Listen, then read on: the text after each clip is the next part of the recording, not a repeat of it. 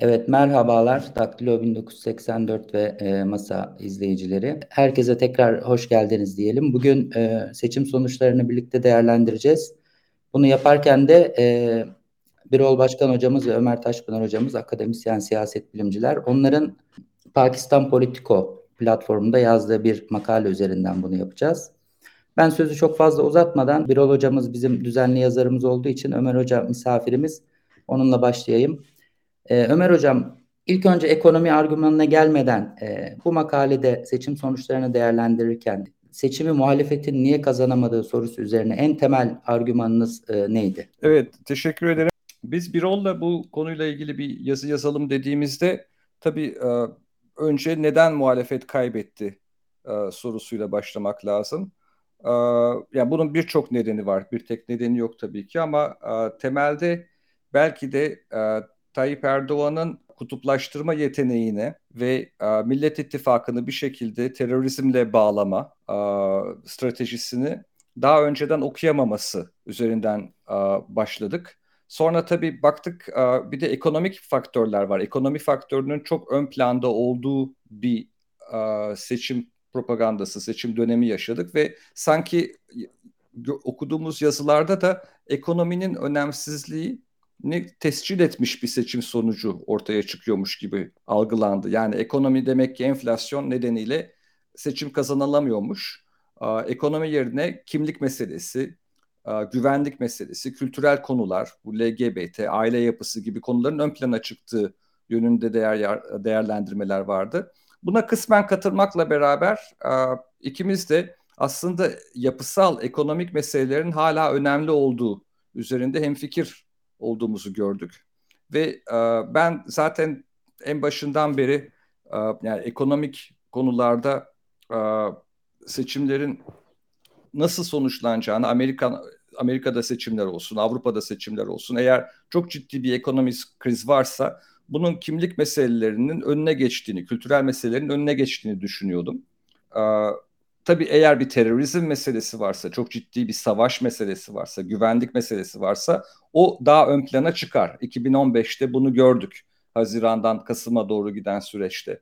Ama 2001 e, ekonomik kriziyle kıyaslayalım diye düşündük bir rolla. 2001'deki ekonomik krizde bütün bir siyasi yelpaze çökmüştü. Yani Doğru Yol Partisi, Anavatan Partisi, DSP bütün bunlar çöküp çökmüştü ve yeni bir parti ortaya çıkmıştı. Bu yeni partinin ortaya çıkması, e, AK Parti'nin iktidara gelmesi de çoğu zaman e, ekonomik krizle açıklanıyordu. 2001 krizi gerçekten de e, bugüne oranla farklı bir krizdi. Bunun üzerinden gidelim dedik. Ve 2001 ile bugünkü ekonomik kriz arasındaki fark ne sorusundan yola çıkarak ekonominin hala önemli olduğunu, belki de CHP'nin bunu tam olarak anlatamadığını ama belki de daha ciddi bir şekilde toplumun ekonomik krizi 2001'deki gibi hissetmediğini düşündük. 2001'de mesele neydi? 2001'de mesele bütün bir kamu bankası sisteminin ve finansal sistemin çökmesiydi. Yani küresel anlamda 2007-2008 finansal krizi Türkiye'ye sanki daha erken gelmiş gibi olmuştu. Paralize olmuştu sistem. Türkiye borçlanamıyor durumdaydı.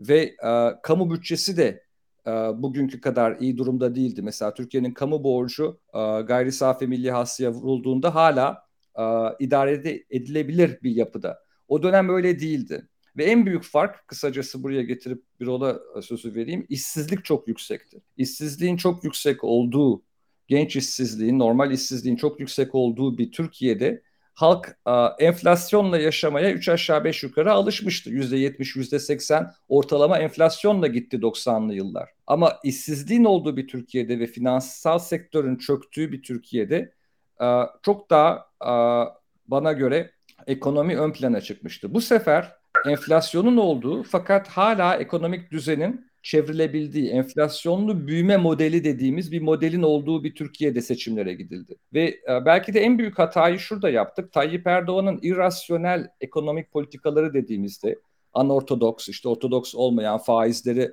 e, düşük tutma ve e, bir şekilde enflasyonu önemsememe, buna biz irrasyonel dedik, mantıklı değil dedik ama kendi açısından mantıklı bir politikaydı bu. Çünkü seçim kazanmayı ön plana koyan kemer sıkma politikasını istemeyen, işsizliği getireceğini öngören ve e, işsizlik e, ve ekonomik daralmayla mücadele etmek yerine enflasyona bir şekilde popülist ekonomik politikalarla maaşları arttırarak, e, kesenin ağzını açarak bir şekilde halkı e, e, yani enflasyonla yaşamaya alıştırarak seçim kazanabileceğine inandı Erdoğan.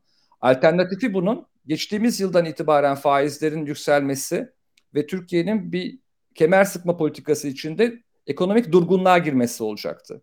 Ve beraberinde bu kitlesel işsizlik de getirebilecekti. Bunu yapmadı Erdoğan ve bence bunu yapmaması sayesinde de bir bakıma e, kazandı. Yani en azından kimlik politikaları ve güvenlik meselesi kadar enflasyonlu büyüme modelini seçmesi ve kemer sıkmayı ertelemesi seçimi kazanalım ondan sonra yaparız za getirmesi. Bakalım şimdi İstanbul belediye seçimleri önümüzdeki yıl geliyor. Ee, yani onu da kazanmak isteyecektir. O da çok önemli bir seçim Erdoğan için. Bakalım önümüzdeki aylarda e, bu kemer sıkma politikasına girecek mi? Bir bakıma girmesi gerekiyor. Çünkü devam ettirilebilir değil Türkiye'deki ekonomik politika. Ama bir seçim kazanmasına yetti ve bence bu ekonomik politikalarla seçimi kazandı demek de yanlış olmaz. Yani yüzde yetmiş enflasyon yerine Türkiye'de şu anda yüzde yirmi beş, otuz, kırk işsizlik olsaydı Erdoğan seçimleri kaybederdi diyebilirim. Evet, teşekkürler hocam. Yani aslında Erdoğan'ın düşük faiz politikası 2021 Eylül'de başladı. Naci Ağbal'ın görevden alınması biraz daha önce. Ee, ekonomi teorisinin birçok ekonominin ekonomistin bize söylediği yüksek enflasyon politikasının da bir noktada işsizliğe ve ekonomik daralmaya yol açacağı şeklinde. E, ve hatta seçime bir iki hafta kala ikinci tur arasında da şunu gördük ki e, kredi faizleri çok ciddi yükseliyor e, ve reel sektörde kredilere çok ciddi açlık olduğu için de sıkıntılar başlamış gözüküyor. Ama sonuç itibariyle yüksek faiz politikasına başladıktan sonraki bir buçuk yıl işsizliğe çok ciddi bir şekilde yansıtmadan bunu tutabildi. E, siz de bunun başarıya götüren bir etken olarak vurguluyorsunuz. E, Birol Hocam e, siz de isterseniz makalenin ilk kısmında propaganda dönemi e, ve seçimin e, muhalefet tarafından kaybedilmesinin politik yönüne dair yorumlarınız varsa oradan başlayıp sonra ekonomiye devam edelim. E, şimdi e, biraz tekrar gibi olacak ama biz e, Erdoğan'ın e, retoriğini bu milliyetçi ve dini bir söylemdi e, tabii ki ki e, herhalde bu kadar üst seviyeden bir dini ve milliyetçi bir söylemi daha önceki seçimlerde yapmamıştı e, diye e, iddia edebiliriz. E, şimdi e, konu şu bu retorik e, o kadar etkileyici miydi veya şöyle o kadar etkileyici oldu ki Ömer'in dediği gibi birçok expert demek ki ekonomi o kadar önemli değilmiş. Türkiye için e, kültür ve kimlik daha önemliymiş noktasına getirdi. Bizim dediğimiz şu tam olarak e, e, kültür ve kimlik politikaları önemli ancak e, ekonomik koşullarda çok derin bir ekonomik kriz yaşanmazsa bir etkisi olur diyoruz. Yani bu ekonomik çöküş olmadığı için, ekonomik ekonominin sorunu temel olarak enflasyon olduğu için, mesela bir işsizlik olmadığı için, rakamlara baktım yani bu yazı için. Mesela 2021'deki e, işsizlik oranı 12.4, 2022'de bu oran düşüyor, 10.6'ya düşüyor. Ve e, 4-5 yıl öncesiyle kıyaslandırdığı zaman e, çok büyük bir işsizlik artışı yok son 10 yılda. E, %1, %2'lerden bahsettiğimiz bir rakam. E, hakeza e, e, gayri safi milli hasılandaki artış e, oranlarına baktığımız zaman da e, Ömer'in bahsetmiş olduğu 2001'deki gibi eksi 7'lik, eksi 8'lik, eksi 9'luk bir e, duraklama, bir tamamen ekonominin çökmesi gibi bir durum yok. Dolayısıyla e, e, böyle olduğu için kültürel e, e, kültür savaşı, Erdoğan'ın kültür savaşı e, etkiledi. Ama başka bir ekonomik şart altında e, o kadar etkili olmazdı. Halk yine e, e, e, ekmek derdinden dolayı Erdoğan'ı alaşağı edebilirdi. Şu anda bile, şu anda bile e, Erdoğan e, e, tam olarak o e, daha önceki silip süpürdüğü seçim başarısını gösteremedi. E, yani birinci turu da garantileyemedi. İkinci tura gitmek zorunda kaldı. Bir. İkincisi e, kendi partisinin oy oranı %36'lara kadar düştü.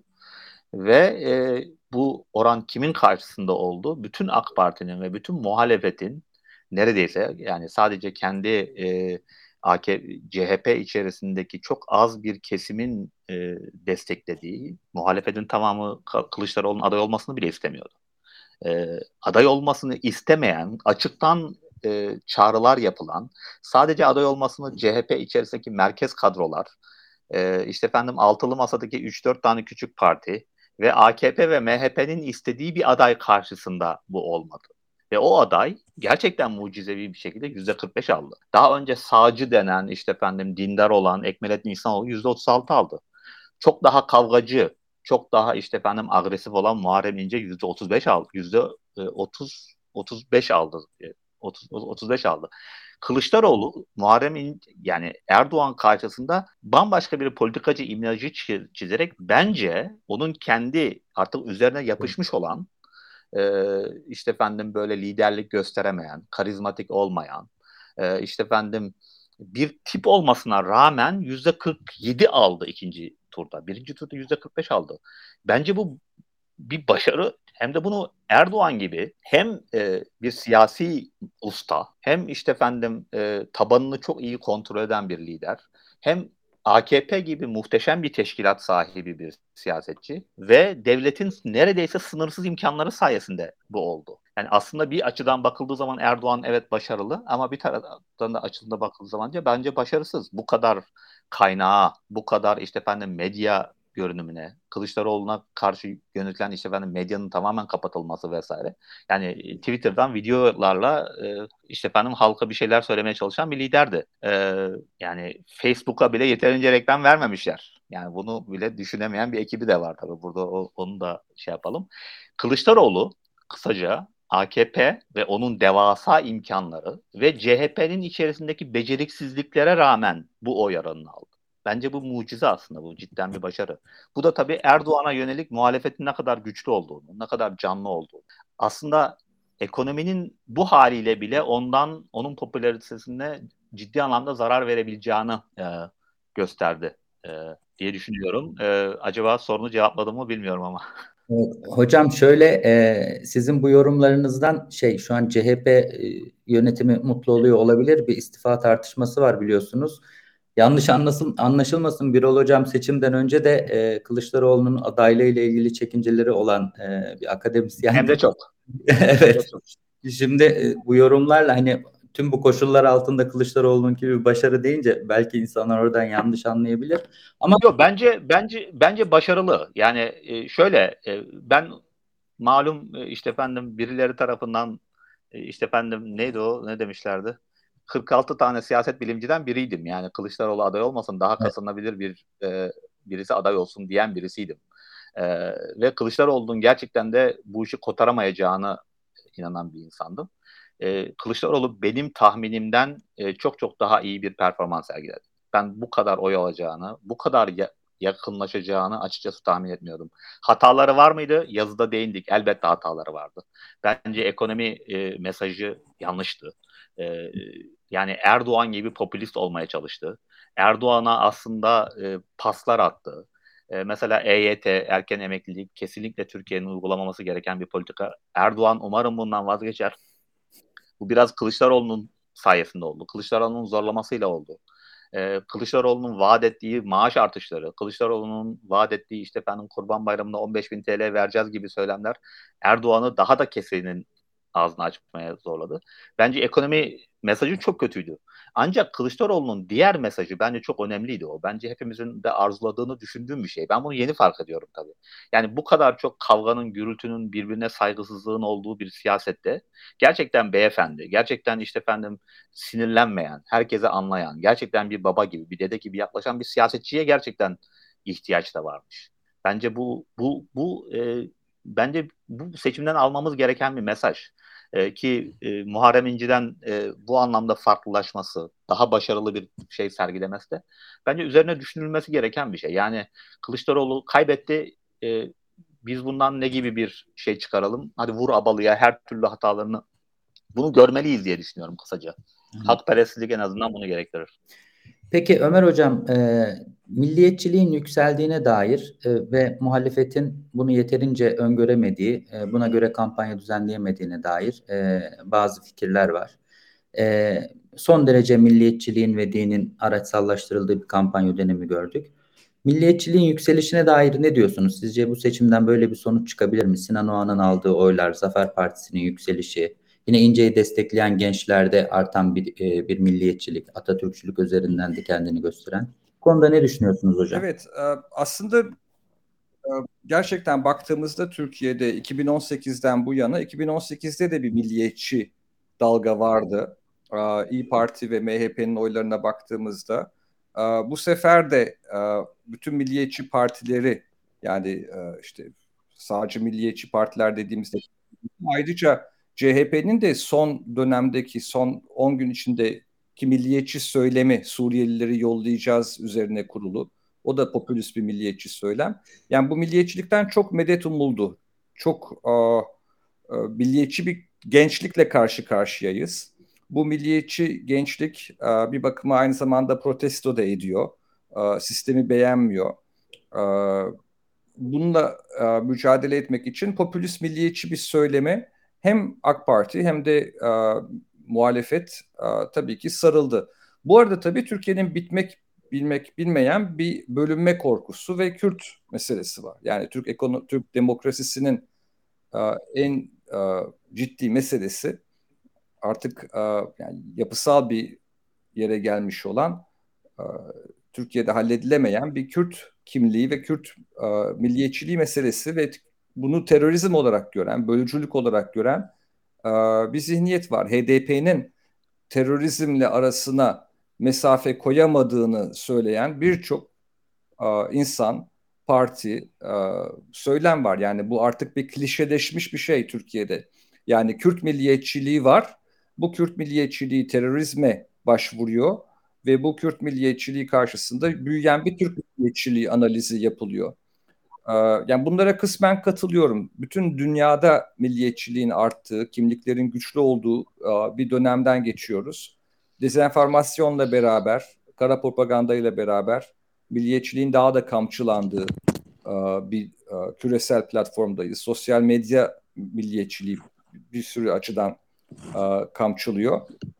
Türkiye şartlarına baktığımızda CHP'yi Millet İttifakı'nı terörizmle aynı kare içine koyma ve bunu dezenformasyon olmasına rağmen arkasında durma, Erdoğan'ın montajsa montaj. Yani sonuçta bunlar Kandil'den destek alıyor diyerek propagandasını yapması ve bunun Türkiye'de özellikle İç Anadolu'da yani kırsal yerlerde çok karşılık bulması yani güçlü olduğu kalelerde AK Parti'nin milliyetçi muhafazakar kesimin arayı çok açması yani yüzde yetmişle kazandığı bir birçok yer var.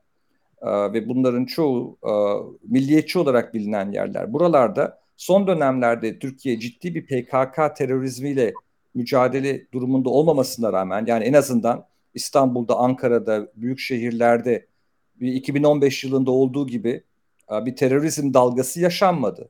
Evet, e, terör, terör vakaları oldu fakat Türkiye bu seçimlere PKK terörizminin kan döktüğü bir ortamda da girmedi. Ona rağmen bu kadar e, güvenlikçi ve milliyetçi bir söylemin tutturulması gösteriyor ki Türkiye bu Kürt milliyetçiliği konusunda, Kürt terörizmi ve PKK meselesi konusunda Türk milliyetçiliği son derece kırılgan.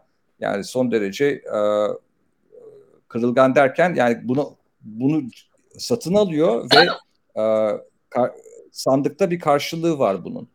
E, bu nedenle katılıyorum. Türkiye'de bir milliyetçi dalga var ve Türkiye'de aslında buna karşı konuşacak da sağlam bir sol parti yok. Yani Türkiye İşçi Partisi bile baktığımızda e, yani çekiniyor e, belirli açılardan. Türkiye'de sol her zaman için e, Kemalizm diyelim, Atatürkçülük diyelim. Yani Cumhuriyet'in prensipleri ve bölünmez bütünlüğü üzerinden giden ve Kürt soluyla Türk solunun birleşebildiği bir ortama bir türlü gelemedik. Yani ben bunu zamanında 90'lı yıllarda CHP'nin o zaman işte Kürt hareketi HDP değildi başka bir partiydi. Onlarla çok daha ciddi birleşmesi gerektiğini söylediğimde CHP'li bazı yetkililere yani Türkiye'de solun Türk solu ve Kürt solu olarak bölünmüş olma lüksü yok. Türkiye'de bir sol olacaksa bu aslında Kürt solu ve Türk solunun birleşmesiyle olabilecek bir şey, güçlenebilecek bir şey. Soğuk Savaş döneminde de aslında böyle olmuştu. Devrimci Doğu dernekleri gibi dernekler Türk solunun içinde, Türkiye Sosyalist Partisi içinde hatta bazen daha merkez solun içinde bile Kürt düşünürlerin yer aldığı bir Soğuk Savaş döneminden sonra, Soğuk Savaş bittikten sonra kimliklerin milliyetçiliğin yükselmesiyle Türk soluyla Kürt solu arasında daha ciddi bir kırılma yaşandı. Ve e, baktığımızda güçlü milliyetçiliğin, güç, güçlü sağcı muhafazakar yapıların olduğu fakat solun neredeyse gözükmediği bir Türkiye ile karşı karşıyayız. Ve solun gözükmediği bir Türkiye'de sosyal demokrat ve merkez sol kimliği olan bir Cumhuriyetçi Halk e, Cumhuriyet Halk Partisi'nin son 10 günde nasıl propaganda yaptığını gördük. Suriyeliler gidecek propagandası. Yani bu çok açık bir yabancı düşmanlığı. Ben yabancı düşmanlığına e, Avrupa'da geçirdiğim zamandan veya Amerika'da geçirdiğim zamandan alışkınım. Ama alışkın olmadığım merkez sol kimliği olan bir partinin bu kadar yabancı düşmanlığı, göçmen düşmanlığı yapması. Yani e, Birol'un biraz önce bahsettiği o popülist ekonomik politikalar CHP'nin maaşların arttırılması, EYT, e e, milliyetçilikte de aynı popülizmi uyguladı. Yani milliyetçilikte de bir dakika ya durun. Yani bu tamam bir meselemiz var. Türkiye'de çok göçmen var. Fakat bunun, bununla mücadele etmenin yolu bunları apar topar yollayacağız demek değildir. Yani bunu söyleyebilecek bir parti olması gerekirdi Türkiye'de. En azından sol kimliği olan bir partinin. Dolayısıyla kısaca cevap vermek gerekirse evet Türkiye'de son derece güçlü bir milliyetçi sağ e, yapı var, kamuoyu var, halk var. Halledilemeyen bir Kürt meselesi var. Bu Kürt meselesinin arkasında son 10 yılda artık Amerika'nın olduğu da kamuoyunda tescillenmiş durumda. Anti-Amerikanizm de var. Bu anti-Amerikanizm de Türkiye'yi daha da milliyetçi olmaya, daha da ulusalcı olmaya, belki birazcık daha Avrasyacılığı güçlendirmeye e, başladı. Bunun karşısında eksik olan şey ise e, bir güçlü sol söylem. Yani güçlü bir e, merkez sol veya sosyal demokrat bir söylem, solculuğa, e, milliyetçiliğe prim vermeyen, e, sorunlara e, ekonomik e, çerçeveden bakıp kimlik politikalarını bu kadar ön plana koymayan bir solun eksikliğini de hissediyor Türkiye çok ciddi bir şekilde. Evet hocam mülteciler konusuna gelmişken e, aslında mülteciler milliyetçilik bağlamında gençlerin milliyetçiliğe yönelmesindeki etkenlerden biri son dönemde. Söylemlerini öyle öğretiyorlar. E, Zafer Partisi özellikle.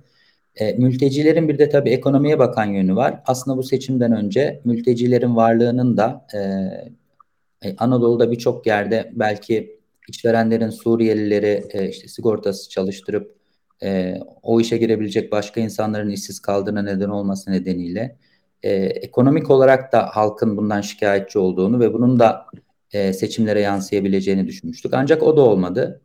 E, Birol Hocam mülteciler açısından değerlendirirseniz hem seçim sürecini hem de e, Türkiye'nin geleceğini çünkü e, Erdoğan şayet bu ekonomi politikasını sürdürürse bundan sonra işsizlik gibi bir sorunumuz da olacak şu ana kadar tutabilmiş olsa da. E, mülteciler bağlamında nasıl değerlendirirsiniz seçimi ve sonrasında?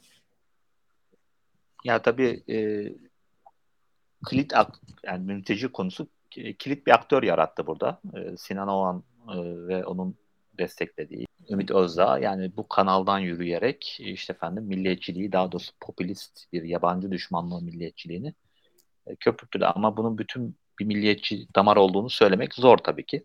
Sadece birisi yani MHP'de ona bakarsak AKP ile e, kaç yıldır kol kola e, ve e, herhangi bir şey söylemiyor mülteciler konusunda. E, herhangi bir söylemi yok. E, dolayısıyla karşımızdaki İki milliyetçilik nasıl civarında. milliyetçilik? Aynı şekilde İyi Parti'de e, milliyetçi kökenden gelen bir parti. E, onların on, da hemen hemen son 10 günlük Ömer'in bahsetmiş olduğu evet. son 10 günlük açılım olmasa orada da bir mülteci karşıtı söylem yok. Aslında e, bu kadar büyük mülteci nüfusu olan bir ülkenin bu kadar zayıf bir mülteci karşıtlığı üretmesi şaşırtıcı. Bundan sonra ne olur bilemiyorum onu ama e, neticede ortaya çıkan e, bu söylemle ortaya çıkan parti milliyetçi ise e, nasıl bir milliyetçilik bu? Burada aslında dolayısıyla bizim belki de konuşmamız gereken akademik olarak, entelektüel olarak yani milliyetçilik Türkiye'de yeniden tanımlanıyor. Yeniden bir şekil değiştiriyor. Bu yeni alacağı şekil ne olacak? Ee, belki e, sorusu. Bunu cevap vermek e, çok e, kolay değil e, şimdilik. E, daha nereye doğru evrileceğini e, bilmiyoruz açıkçası. E, ancak e, belli bir şekilde yani Türk İslam sentezi e, vardı 1980'ler klasik Türk İslamı vardı. Şimdi belki İslam Türk sentezine doğru gidiyor. İslami kimliğin veya dindarlığın daha baskın olduğu bir milliyetçilik e, türü. Bu ikisinin daha böyle dinin daha vurgulandığı, Osmanlıcılığın, Osmanlı geçmişinin daha e, şey kurgulandığı bir e, yeni bir milliyetçilik vurgulanıyor. E, Ümit Özdağ e, ve onun temsil ettiği milliyetçilik ise daha böyle Türkçü kalacak gibi gözüküyor. Hani burada bir refüji yani mülteci düşmanlığı bir Arap düşmanlığına evriliyor aslında Türkiye'de. E, dolayısıyla daha ırk e, temelli, daha etnisite temelli bir yeni bir milliyetçilik tanımlanıyor. Onun e, büyüme şansı var mı? E, var. Yüzde beş Sinan Oğan'ın tabi rakamı. Zafer Partisi ne kadar aldı? Milletvekili seçimlerinde. Yüzde iki, iki buçuk. Yani e, MHP yüzde on bir. E, İyi Parti yüzde dokuz mu? Yüzde on mu? Yani yüz, ama bunlar tabi yani hepsi yüzde yirmi beş milliyetçi şey eder diyemiyoruz tabii ki. Yani bir tarafta İyi Parti var, bir tarafta MHP var, bir tarafta da Zafer Partisi var. Dolayısıyla e, milliyetçilik var ama bölük pörçük bir milliyetçilik bu. E, bu buradan nereye doğru evrilir e, doğrusu e, kestirmek Sizin şimdilik e, zor. Dolayısıyla e, mülteci sorunu e, bunun yani bu yeniden tanımlanmanın, yeni milliyetçi kimliklerin tanımlanmasının merkezinde olacağı da çok net. Yani bu Suriyelilere ne olacak? E, hem ekonomik anlamda e, bir sorun olmaları. Tabii kimin için sorun? İşçi sınıfı için sorun veya işte efendim iş arayanlar için sorun. Yoksa patronlar için küçük özellikle küçük esnaf ve küçük işletme sahipleri için Suriyeliler e, yani çok büyük bir şey tabii ki fırsat. Neden? İşte efendim çok ucuza çalışıyorlar e, istediğin gibi sömürebiliyorsun. E, e, yani e, dolayısıyla böyle bir e, şey değil ama buradan tam olarak nereye doğru evrilir onu e, kestiremiyorum açıkçası. Peki Ömer Hocam e, Erdoğan bu faiz politikasından dönmeyeceğine dair sinyaller verdi. E, son birkaç gündür özellikle Mehmet Şimşek'in dönüşü ve rasyonel ekonomi politikalarına dönüşle ilgili e, bazı tahminler, belki de wishful thinking olarak e, iyi niyetler de var ama Erdoğan'ın duruşunu biliyoruz ve e, 10 ay sonra önümüzde tekrar bir yerel seçim var. E, bu faiz politikasını sürdürdüğünde de e, dışarıdan e, yatırım gelmiyor ve çok ciddi şekilde Türkiye'nin dolar açığı var, döviz açığı var. E, dış politika bağlamında ele alırsak, e, şimdi Erdoğan seçimden önce e, Arap dünyası ile ilişkilerini geliştirmişti. İşte Birleşik Arap Emirlikleri ile barıştı, Suudi Arabistan'la barıştı, Mısır'la e, Sisi ile tokalaştı. E, bu seyri devam ettirecek gibi gözüküyor. Rusya ile de ilişkilerini derinleştirecek, devam ettirecek gibi gözüküyor. Peki Batı ile ilişkileri ne olur seçimden sonra? Nereye evrilir? E, makalede de buna son bölümde de değinmişsiniz. Bu alanda e, Türkiye-Batı ilişkilerini nasıl değerlendirirsiniz hocam? Evet, Batı'daki tepki Erdoğan'a e, yani bir beş yıl daha Erdoğan'la yaşamak zorunda olan bir Avrupa Birliği ve Amerika olması nedeniyle realist bir tepki oldu. Yani çıkarları daha önemli şu anda Amerika'nın ve Avrupa Birliği'nin e, Türkiye'deki demokrasik demokrasi eksikliğinden çok e, mevcut düzenle çalışmak zorunda olduğunu anlamış durumda e, hem e, Brüksel hem Washington. Dolayısıyla bekledikleri şeyleri almaya çalışacaklar Türkiye'den. Nedir bekledikleri şeyler? Temelde her şeyden önce NATO konusunda İsveç'in üyeliği. Bunun bunun yeşil ışık yeşil ışık gelmesini bir an evvel bekliyor Amerika. E, bunu zaten üç aşağı beş yukarı Türkiye yapacağını vaat etti. Yani Finlandiya'yı kabul etti, İsveç'i de kabul etti. İsveç'i kabul ettikten sonra yani baktığımızda e, Türkiye'nin beklentisi nedir ve Amerika nasıl mükafatlandırabilir Türkiye'yi? İşte bildiğimiz F-16 konusu geliyor. F-16'ları aldıktan sonra e, ve İsveç NATO üyesi olduktan sonra e, ka, nerede kalmıştık diyeceğiz. Yani geri kalan sorunlar ne? Geri kalan sorunlar belli. Yani Türkiye'de çok e, şu anda e, bir Avrupa Birliği'ne karşı da Amerika'ya karşı da ama daha çok Avrupa Amerika'ya karşı e, Amerika'nın e, Suriye politikası nedeniyle, YPG'ye desteği nedeniyle, Fethullah Gülen'in Amerika'da olması nedeniyle böyle bir anti-Amerikanizm var. Ve Tayyip Erdoğan bunu çok iyi kullanıyor. Bu anti-Amerikanizmi, batık düşmanlığını, Avrupa Birliği'ne karşı da e, benzer bir söylem kullanıyor. Avrupa Birliği'nin beklentilerine baktığımızda Türkiye'den e, en ciddi beklentisi tabii ki e, CHP kazansaydı korktuğu mesele 2016'daki göçmen anlaşmasının revize edilecek olması ve belki de CHP'nin hem demokratikleşme alanında atacağı adımlar hem de e, belki de e, göçmenler konusunda tekrar görüşmek istemesi nedeniyle daha zor bir durumda olacaktı Avrupa Birliği. O nedenle ben Avrupa Birliği'ne baktığımda son zamanlarda bir de Yunanistan'a e, bir e, e, araştırma gezisi için gitmiştim. Orada Erdoğan'ın kazanmasını istediklerini gördüm. Yani Erdoğan bildikleri şeytan gibiydi. The devil we know. Yani onunla nasıl çalışacağımızı biliyoruz. Bir alver ilişkisi var. Bir, bir transactional ilişki. Kılıçdaroğlu gelirse hem Avrupa Birliği konusunda yeni bir sayfa açmak isteyecek ki şu anda Avrupa Birliği'nin en son isteyeceği şey Türkiye ile oturup tekrar üyelik konuşmaları yapmak. Yani Avrupa Birliği'nin gündemi son derece şu anda Ukrayna ağırlıklı. Ben sorduğumda Ukrayna mı daha önce üye olabilir Türkiye mi diye hep bir ağızdan Brüksel'de konuştuklarım Ukrayna diyorlardı. Yani Ukrayna'nın üye olma şansı çok daha yüksek Türkiye'den diyorlardı. Şimdi böyle bir ortamda Erdoğan'a hayır demek çok daha kolay. Erdoğan'ın yönettiği otoriter bir Türkiye'ye hayır demek çok daha kolay Avrupa Birliği açısından. Mülteciler konusunda Erdoğan'la anlaşmak da daha kolay. Ee, çünkü daha oportunistçe, makyavel, makyavelist bir şekilde yaklaşabiliyor meselelere. Ee, o nedenle ben ciddi bir değişiklik görmüyorum önümüzdeki dönemde Türkiye-Batı ilişkilerinde. Yani aynı e, aynı parametrelerde devam edecek bir e, e, kötü giden bir ilişki senaryosu ile karşı karşıyayız. İyi gitmiyor Türkiye'nin Batı ile ilişkileri. Türkiye'nin Rusya politikası, ne bileyim e, Çin'e bakışı, e, bağlantısız gibi davranmak istemesi, NATO'ya olan güvensizliği bunlar yapısal meseleler olarak devam etmeye namzet otoriter gidişat devam ettiği sürece de Türkiye'nin batıdaki imajı aynı şekilde devam edecek. Erdoğan bugün Putin, Xi Jinping e, gibi e, yani diktatörlerle bir anılıyor.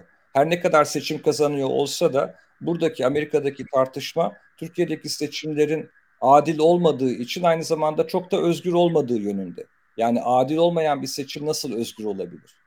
Her şeyi eline almış bir uh, popülist otokrat karşısında e, ki e, muhalefeti tabii ki rahat rahat yener. Yani ancak bahsettiğimiz gibi bir olun bahsettiği gibi işte e, yenildik ama ezilmedik diyebilecek bir e, muhalefet var.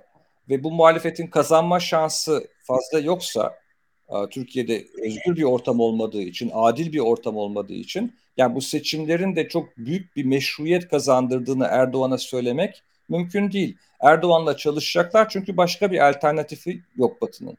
Erdoğan'ın daha güçlü bir meşruiyet kazanması nedeniyle değil. Aa, Türk halkı gerçekten Erdoğan'ı istiyormuş. Erdoğan bileğinin hakkıyla kazandı e, gibi bir algı yok Batı'da. Erdoğan otoriter olduğu için kazandı. Muhalefeti boğduğu için kazandı e, yolunda daha e, ben medyada da ulus araştırma kurumlarının yazdıklarında da öyle bir ağırlık görüyorum. En son da şunu söyleyeyim, ekonomiyle birleştireyim. Ne zaman değişir Batı ile ilişkiler? Türkiye Batı'ya muhtaç kalırsa ekonomik olarak değişir.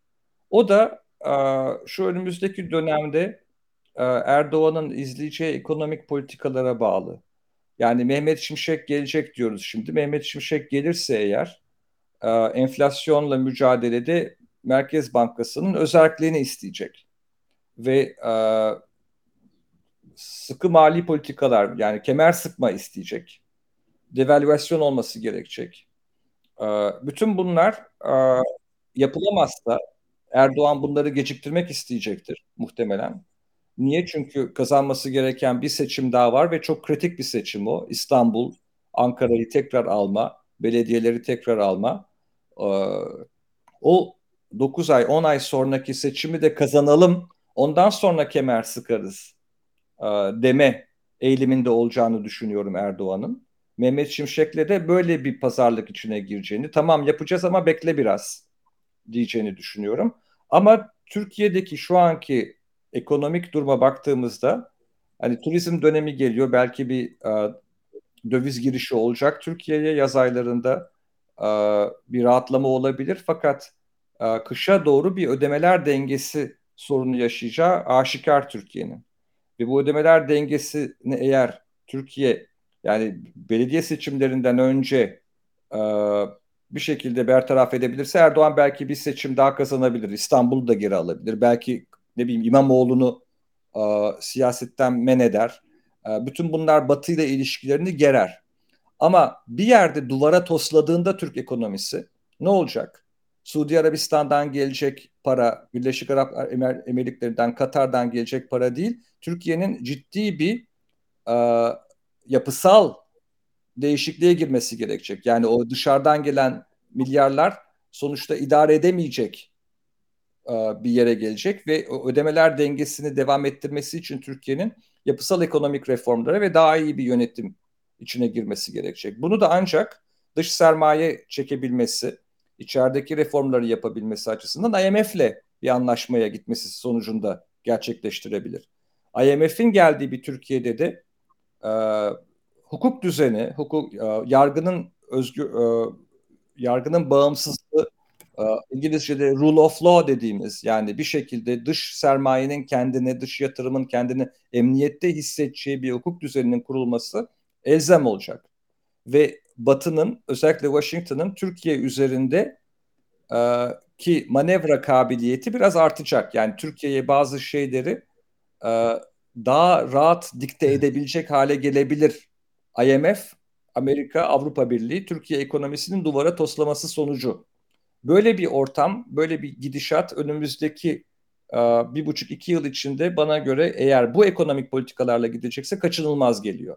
Yani kışı belki getir, geçirebilir. Belki bir seçim daha İstanbul'u kazanmak için kazanmaya çalışabilir ki İstanbul'da sonuca baktığımızda 2019'daki kadar büyük bir başarı yok şu seçimlerde. Millet e, ittifakı kazandı İstanbul'da, Ankara'da da. Fakat yanılıyorsam e, e, söyleyin e, İstanbul ve Ankara'daki marjı, zafer marjı 2019 kadar yüksek değil gibi geliyor bana. Dolayısıyla bu büyük şehirlerde istediği büyük başarıyı gösteremedi e, Millet İttifakı. Anadolu'da da yani AK Parti'nin güçlü olduğu yerlerde de çok daha büyük şekilde kaybetti. Yani normalde bizim beklediğimiz neydi? İstanbul'da, İzmir'de, Ankara'da, Adana'da, Mersin'de büyük farkla kazanıp Anadolu'da ki büyük farkla kaybetmesini kompanse edecek olmasıydı. E böyle bir şey olmadı. Şu ortamda bu dinamikler devam ederse hele bir de dağılırsa a, a, muhalefet e, belediye seçimlerini de kaybedebilir.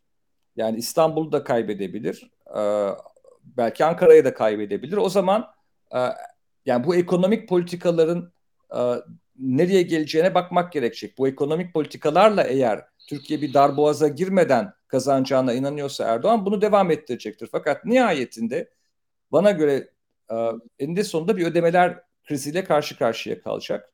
Ve o zaman Batı ile ilişkilerde yeni bir döneme en azından e, bu IMF ile ilişkilerde yeni bir döneme girmek zorunda kalacak Türkiye. O son 2-3 yılına denk gelebilir Erdoğan'ın. Yani Erdoğan diyebilir ki şimdi ben bir yıl böyle devam ettireyim.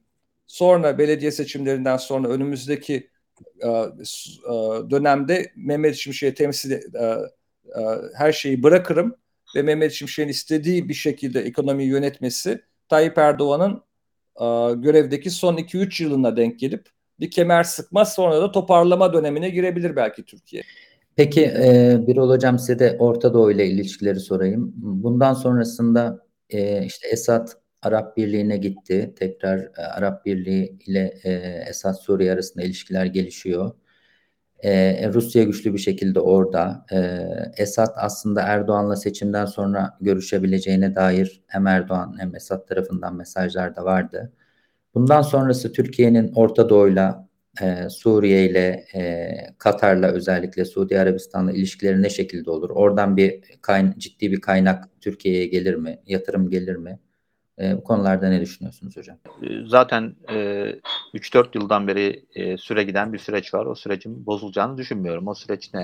E, işte efendim Arap Baharı dolayısıyla e, ilişkilerin bozulduğu ülkelerle tek tek e, ilişkileri tekrar rayına sokmak. İşte bunlar e, Suudi Arabistan, Birleşik Arap Emirlikleri, e, Mısır e, ve en son Suriye.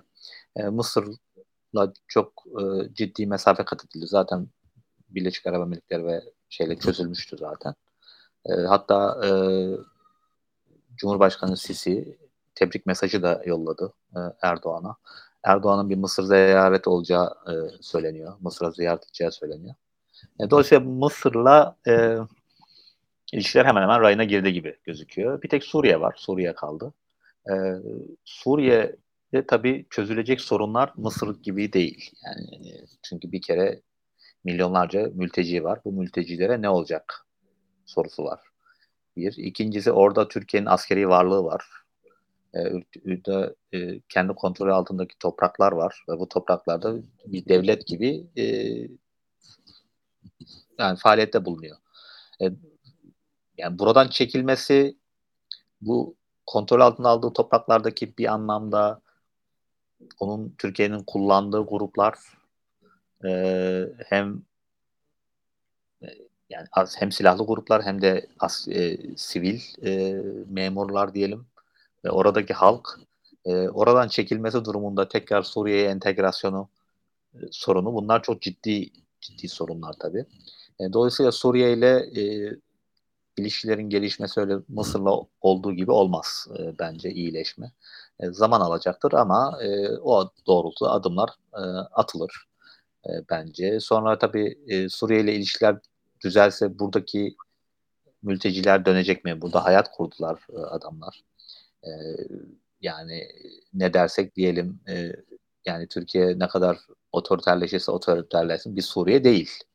E, yani halen daha canlı bir e, işte ben muhalefetin olduğu e, nispeten e, özgürlüklerin olduğu nispeten diyorum.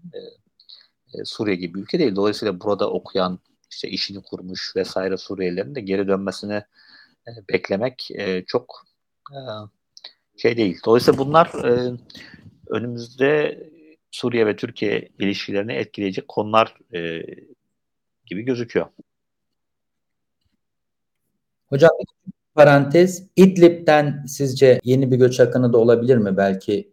E, çünkü Suriye rejimi e, tamamıyla o muhalif unsurları tamamlamak için İdlib'e bir operasyon düşünüyor olabilir. Açıkçası yani e, Türkiye oradan çekildiğinde ne olacağını yani kestiremem. Yani Kesin. çünkü e, Esad böyle anlaşma yapılıp ya işte efendim oradakilere dokunma oralısı benim e, yani korumam altında gibi bir anlaşmayı kabul edecek gibi değil. Çünkü şu anda Esad'ın eli zayıf olan taraf değil. E, Türkiye bu iyileşmeyi istiyor. Bu rehabilitasyonu Türkiye istiyor. Dolayısıyla pazarlık masasında e, Esad'ın eli güçlü. E, haliyle e, e, e, böyle e, Türkiye'nin oradan acil bir çekilmesi oradaki halk için tabii e, ciddi bir travma olabilir. Türkiye'deki mülteciler için ayrı bir sorun.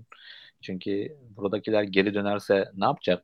Yani Suriye rejimi e, yani kötü bir rejim. E, çok rahat insanları işte efendim böyle askeri ve polisiye tedbirlerle hayattan bezdirecek bir rejim. E, öyle olunca da e, çekilmek başka bir sorun. İşte efendim mültecileri gö- göndermek, geri göndermek başka bir sorun. E, katmanlı bir sorunlar e, e, la boğuşuyor bence Türkiye-Suriye ilişkileri ve bunları çözmek öyle kolay değil. Tabii bir de orada PYD'nin varlığı var. Amerikan destekli. Amerika orada. Ee, yani Suriye açısından e, Türkiye ile arayı düzeltip o PYD'nin kontrol ettiği topraklarda tekrar hakimiyetini tesis etme gibi bir şey olabilir, e, plan olabilir. Türk Suriye açısından belki albenisi bu olabilir ama e, tabii e, bilmiyorum yani pazarlıklar nasıl yapılıyor taraflar arasında. Ben ama şeye inanıyorum yani e, Erdoğan'ın pazarlık kabiliyetine ve e, yeteneğine ve zekasına güveniyorum. E, Türkiye açısından e, çok e, kötü bir e, deal'la dönmez diye ümit ediyorum. Peki e, Ömer Hocam bir e, izleyicimizden bir soru vardı. Şu an e, Türkiye'de e, İslamileşen en azından görüntü olarak ve daha Avrasyacı e, bir yöne savrulan e, bir dış e, politika e, ve bir görüntü var. E, sizce de öyle mi hocam? Siz şeyde Medyaskop'taki yayınlarınızda Transatlantik'te bu Avrasyacılık olayını vurguluyorsunuz. Ruşen Çakır da onun çok öyle olmadığını e, falan iddia ediyordu hep.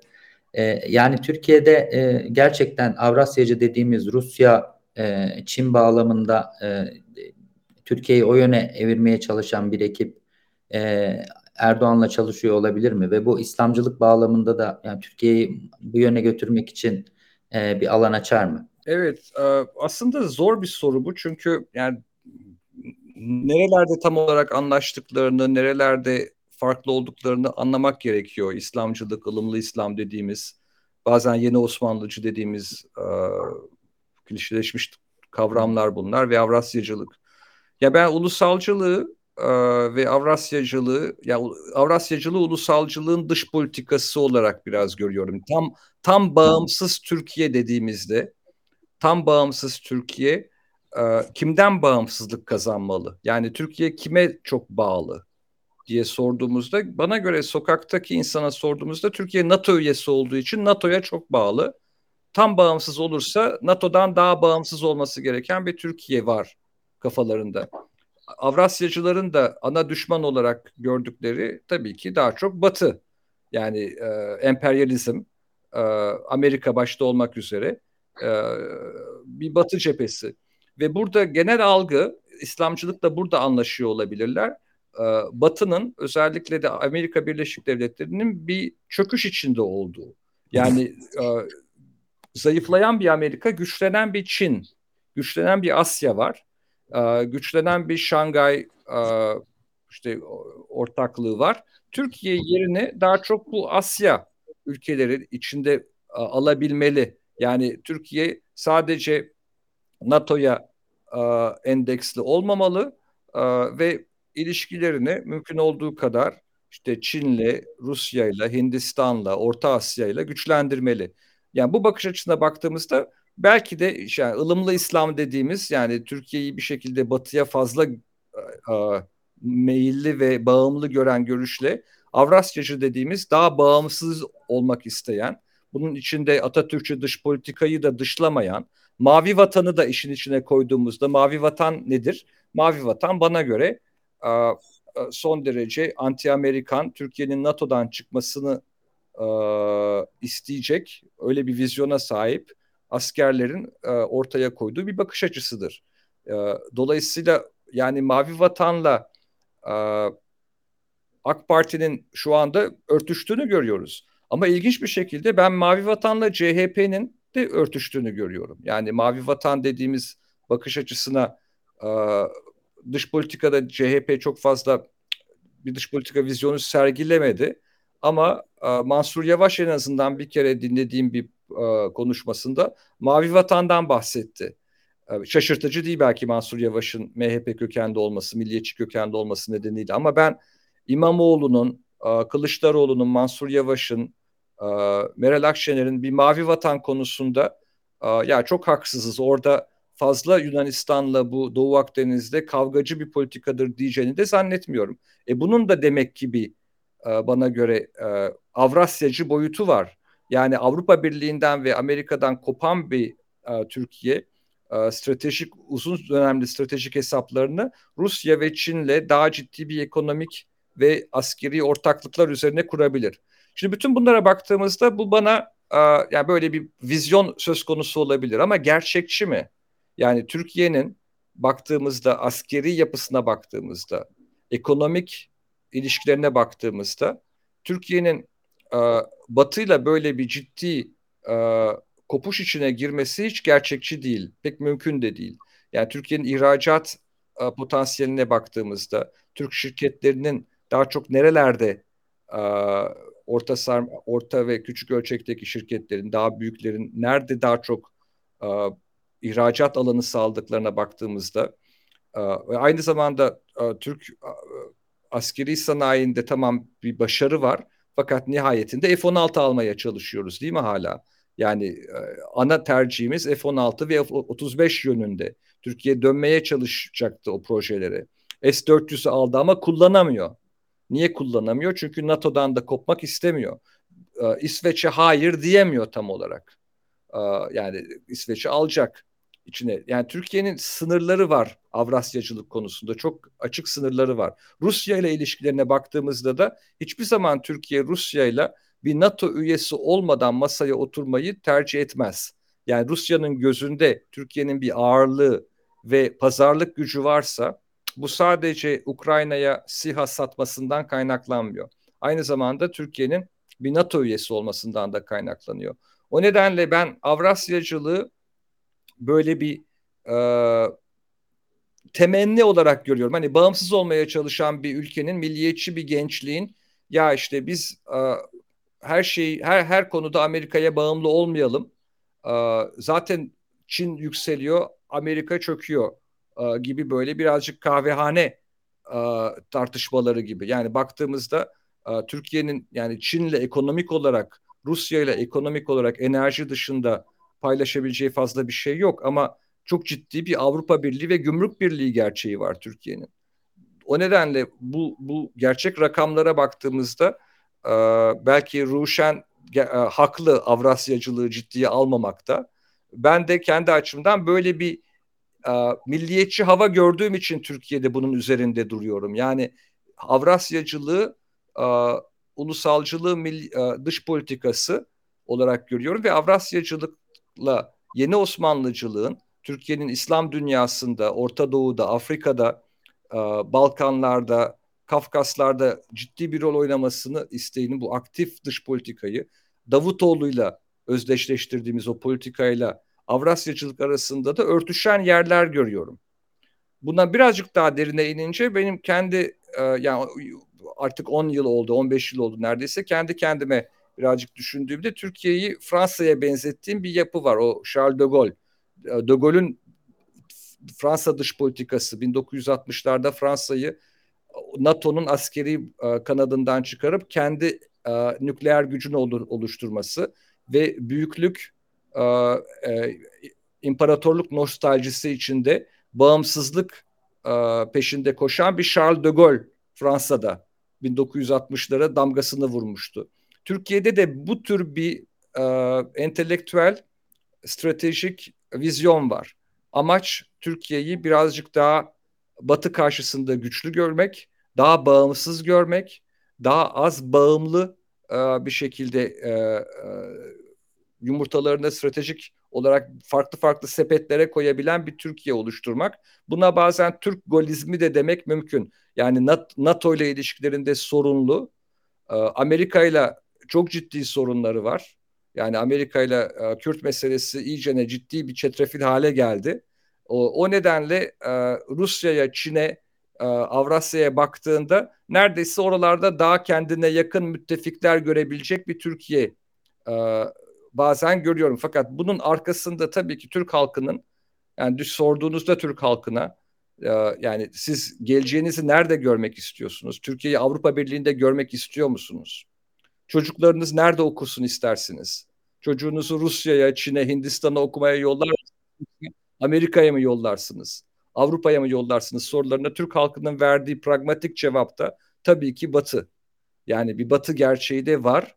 Dolayısıyla realiteyle böyle Batı'ya karşı öfkenin e, beraberinde getirdiği bir e, tansiyon var Türkiye'de. Realite Türkiye'nin Batı'ya hala bağımlı olması, Batı içinde olması hatta ama e, bu e, öfke Batı'ya karşı duyulan bir öfke içine almadı Batı Türkiye'yi. Avrupa Birliği'ne giremedi. E, Amerika Türkiye'ye e, hak ettiği değeri vermiyor. Böyle bir e, stratejik ortaklıktan bahsediyoruz ama aslında stratejik ortaklık falan yok. Bizi bölmeye çalışıyorlar. E, diyen bir bakış açısı var. o bütün bu tansiyonlardan yola çıktığımızda Avrasyacılığı ben devam edecek bir akım olarak görüyorum Türkiye'de. Ama hiçbir zaman e, Türkiye'nin gerçeklerini e, temelden sarsacak kadar da güçlü bir akım olmayacak kanımca. Teşekkürler hocam. Son olarak Birol hocam e, size de İslamcılık e, kısmını biraz sorayım. E, Hüdapar Meclis'te, Yeniden Refah Partisi Meclis'te e, yeniden kazanmış bir Erdoğan var. E, Birçok tarikat ve cemaat açıktan son derece e, propaganda sürecinde hükümeti var güçleriyle desteklediler videolarıyla. E, sizce Türkiye'de siyasal sistem ve rejim e, biraz daha İslamcılaşabilir mi önümüzdeki dönemde? Bunun yaratacağı tehlikeler neler olabilir? E, bu meseleye nasıl bakıyorsunuz hocam? E, şimdi e, bu konu tabii büyük bir konu ve yaklaşık 1990'lardan beri tartışılan bir konu. E, malum Olivier Roy'un e, Fransız e, siyaset bilimci e, bir kitabı var. Yani bizim Türkçe'de siyasal İslam'ın iflası olarak çevrildi. Çevrenlerden birisi Ruşen Çakır. E, aslında yanlış bir e, tabir tabii iflas. E, aslında Fransızcası başarısızlığıydı. E, Olivier Roy'un Leşet e, Leşet nasıldı? Gerisi hatırlayamadım tam olarak. E, İslam siyasal İslam'ın iflası demek siyasal İslam'ın bitmesi demekti. Ama e, Olivier Roy tam olarak siyasal İslam'ın başarısızlığını kastediyor. O da, da demek istediği şuydu aslında. Bence hala daha geçerli bir kitap. Hala daha geçerli olan bir argüman. Dediği şuydu. İslamcılık iktidara geldikten sonra o işte efendim 1960'larda ve 70'lerde e, söylemiş olduğu biz üçüncü yoluz veya işte efendim var olan seküler sistemlerin, var olan seküler ideolojilere alternatif bir ideolojiyiz ve yepyeni bir sistem getireceğiz. Sözü üzeri, sözünde duramadı. Bu sözü yerine getirmekte başarısız oldu ve bir anlamda e, işte efendim e, ideolojik olarak eleştirdikleri e, ülkelerin, özellikle otoriter ülkelerin bir şeyi oldu. E, kötü bir kopyası oldu. E, herhangi bir yenilik getiremedi e, ve dolayısıyla politik ve ekonomik sistem olarak herhangi bir alternatif, herhangi bir yenilik getiremediği için de tamamen ritüele kaydı. Ritüele uzmanlaştı. İşte başörtüsü yasağıydı İran'da mesela e, gibi. E, bu neden e, önemli bir tartışma. E, aynı şeyi Türkiye'de de aslında e, yaşadık. Türk İslamcılığı aslında e, ne başardı tam olarak baktığımız zaman? E, ekonomik olarak bakıldığı zaman tamamen e, kötü bir neoliberal politikaları takibi. Yani ülkenin ne kadar e, e, şeyi varsa, firması varsa, e, işte efendim devlete ait e, devlet iktisadi teşebbüsleri olarak onlar tamamen satılması, işte efendim eğitimin, sağlığın gibi temel e, e, hizmetlerin dahi özel sektöre açılması vesaire vesaire. Tabii bu e, e, ekonomik anlamda li, li, neoliberal bir e, şey program. E, kendilerine ait bir ekleme yok buna. Kendilerine ait bir ekleme ne olabilir? O da e, bir ideolojik yapısı yok. Sadece Türkiye'deki e, dini kurumların, dini grupların ve muhafazakarların e, e, refah hizmetlerinde tarihi olarak yer almasından kaynaklı bir e, şey. Ne demek bu? Yani neoliberal iktisatla birlikte artan eşitsizlik, e, devletin sunduğu e, kamusal hizmetlerin e, göreceli olarak kalitesizleştirilmesi den dolayı doğacak olan boşluğu dini cemaatlerin ve yapıların doldurması. Dolayısıyla bir anlamda neoliberalizmin kötü etkilerini veya olumsuz etkilerini yumuşatma görevi. E, tabii e, e, AKP liderliği e, dini gruplarla çok iyi geçindiği için, aralarında tarihi olarak çok ciddi bağlar olduğu için bundan ayrı eten bir avantaj e, sağlamış oldu. E, dolayısıyla şu var, Türkiye'deki Türk İslamcılığı aslında e, politik, ekonomik vizyon olarak bir model olarak herhangi bir yeni bir şey getirmedi. Sadece aynı Olivier Roy'un e, yıllar önce İran'la alakalı söylediği gibi eleştirdiği her şeyin kötü bir kopyasını yarattı. Hem politik anlamda hem de ekonomik anlamda.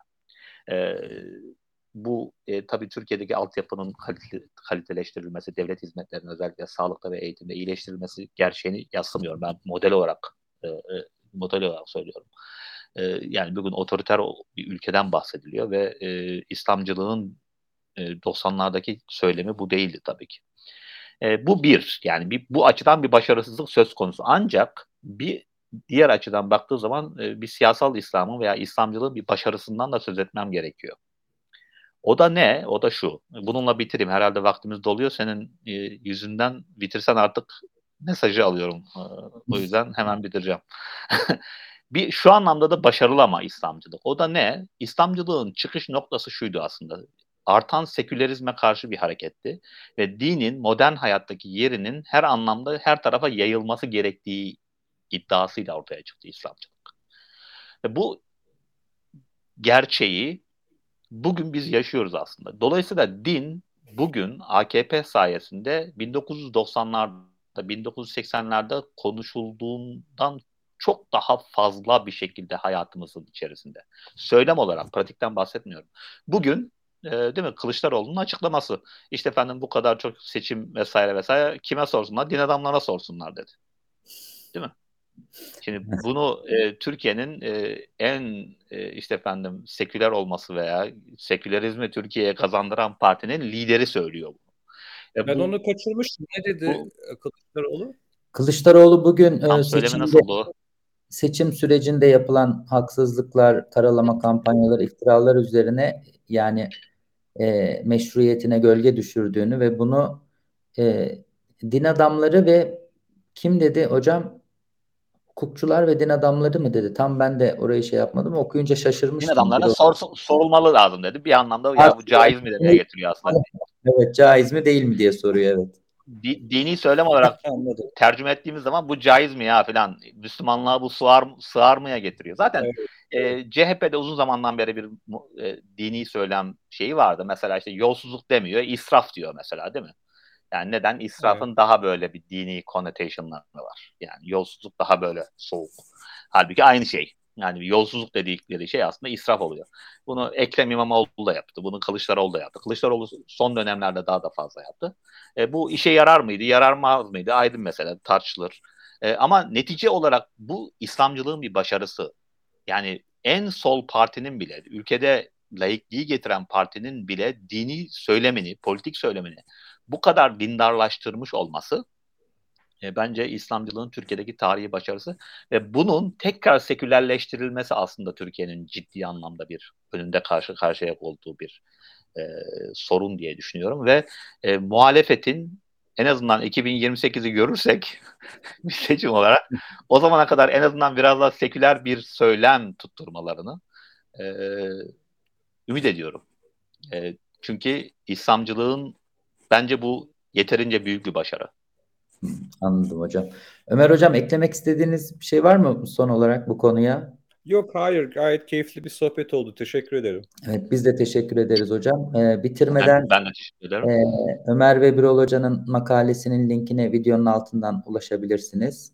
E, Daktilo 1984'ü takip eder. Bu yayını beğenir ve paylaşırsanız seviniriz. Tekrar çok teşekkür ediyorum Ömer hocam, Birol hocam. Herkese iyi akşamlar diliyoruz. İyi akşamlar. İyi akşamlar. Hoşçakalın.